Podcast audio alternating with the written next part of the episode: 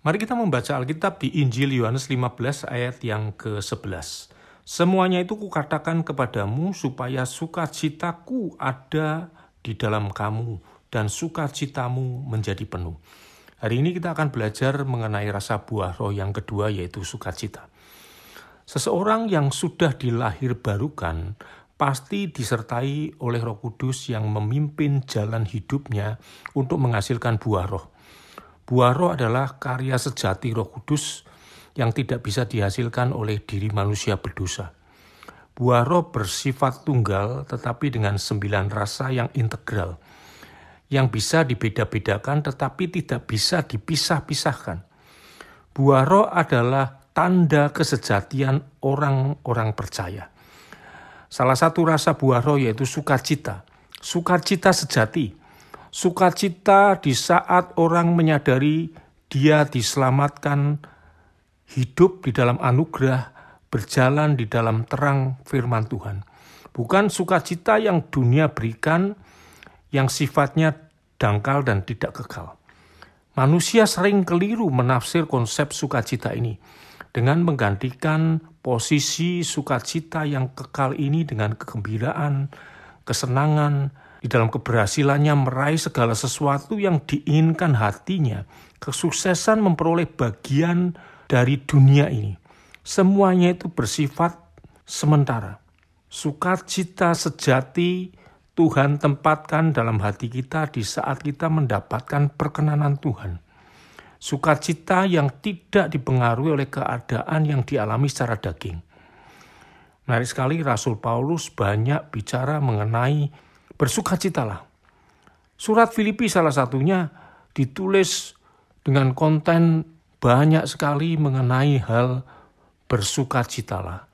Surat Filipi ditulis pada saat secara fisik Rasul Paulus dibelenggu di dalam penjara. Isi suratnya penuh dengan berita sukacita. Dia mengajar para pembacanya termasuk kita pada hari ini untuk bersukacita dan mengerti sukacita yang benar. Sukacita yang dikaryakan dan dikuduskan oleh Roh Kudus. Berbeda dengan senang-senang secara duniawi, hedonisme yang sifatnya sementara. Seringkali kita menempatkan kata sukacita itu antonim atau lawan kata dengan kesusahan. Padahal dalam konsep Alkitab, orang percaya bisa bersukacita di dalam penderitaan, bisa bersukacita dalam ujian hidup. Rasul Petrus memberikan nasihat bergembiralah atau bersukacitalah sekalipun kamu itu seketika harus berduka cita oleh berbagai-bagai pencobaan. Itu adalah satu paradoks tentang sukacita. Sukacita bersifat kekal karena mengandung kehendak Allah yang kekal, kesadaran akan karya keselamatan dan pemeliharaan Tuhan yang ujungnya sampai kekal. Karena kita menjadi milik Kristus, ada jaminan hidup bersama dengan Dia di dalam surga. Kalau kita mau flashback ke belakang sejak di Taman Eden Adam dan Hawa jatuh di dalam dosa, manusia mulai mempunyai ketakutan, kekhawatiran, dan akibat dari dosa itu selanjutnya adalah manusia punya rasa iri hati, amarah, bersungut-sungut. Itu hal-hal yang mendominasi hidup manusia yang berdosa. Di saat itulah sukacita yang sejati itu hilang. Manusia berusaha menggantikan sukacita itu dengan mencari hal-hal yang ada di dalam dunia ini secara materi. Tetapi seperti meminum air laut, semakin mereka meminum atau mencari sukacita itu yang secara duniawi, maka semakin mereka itu kehausan. Mereka tidak mendapatkan.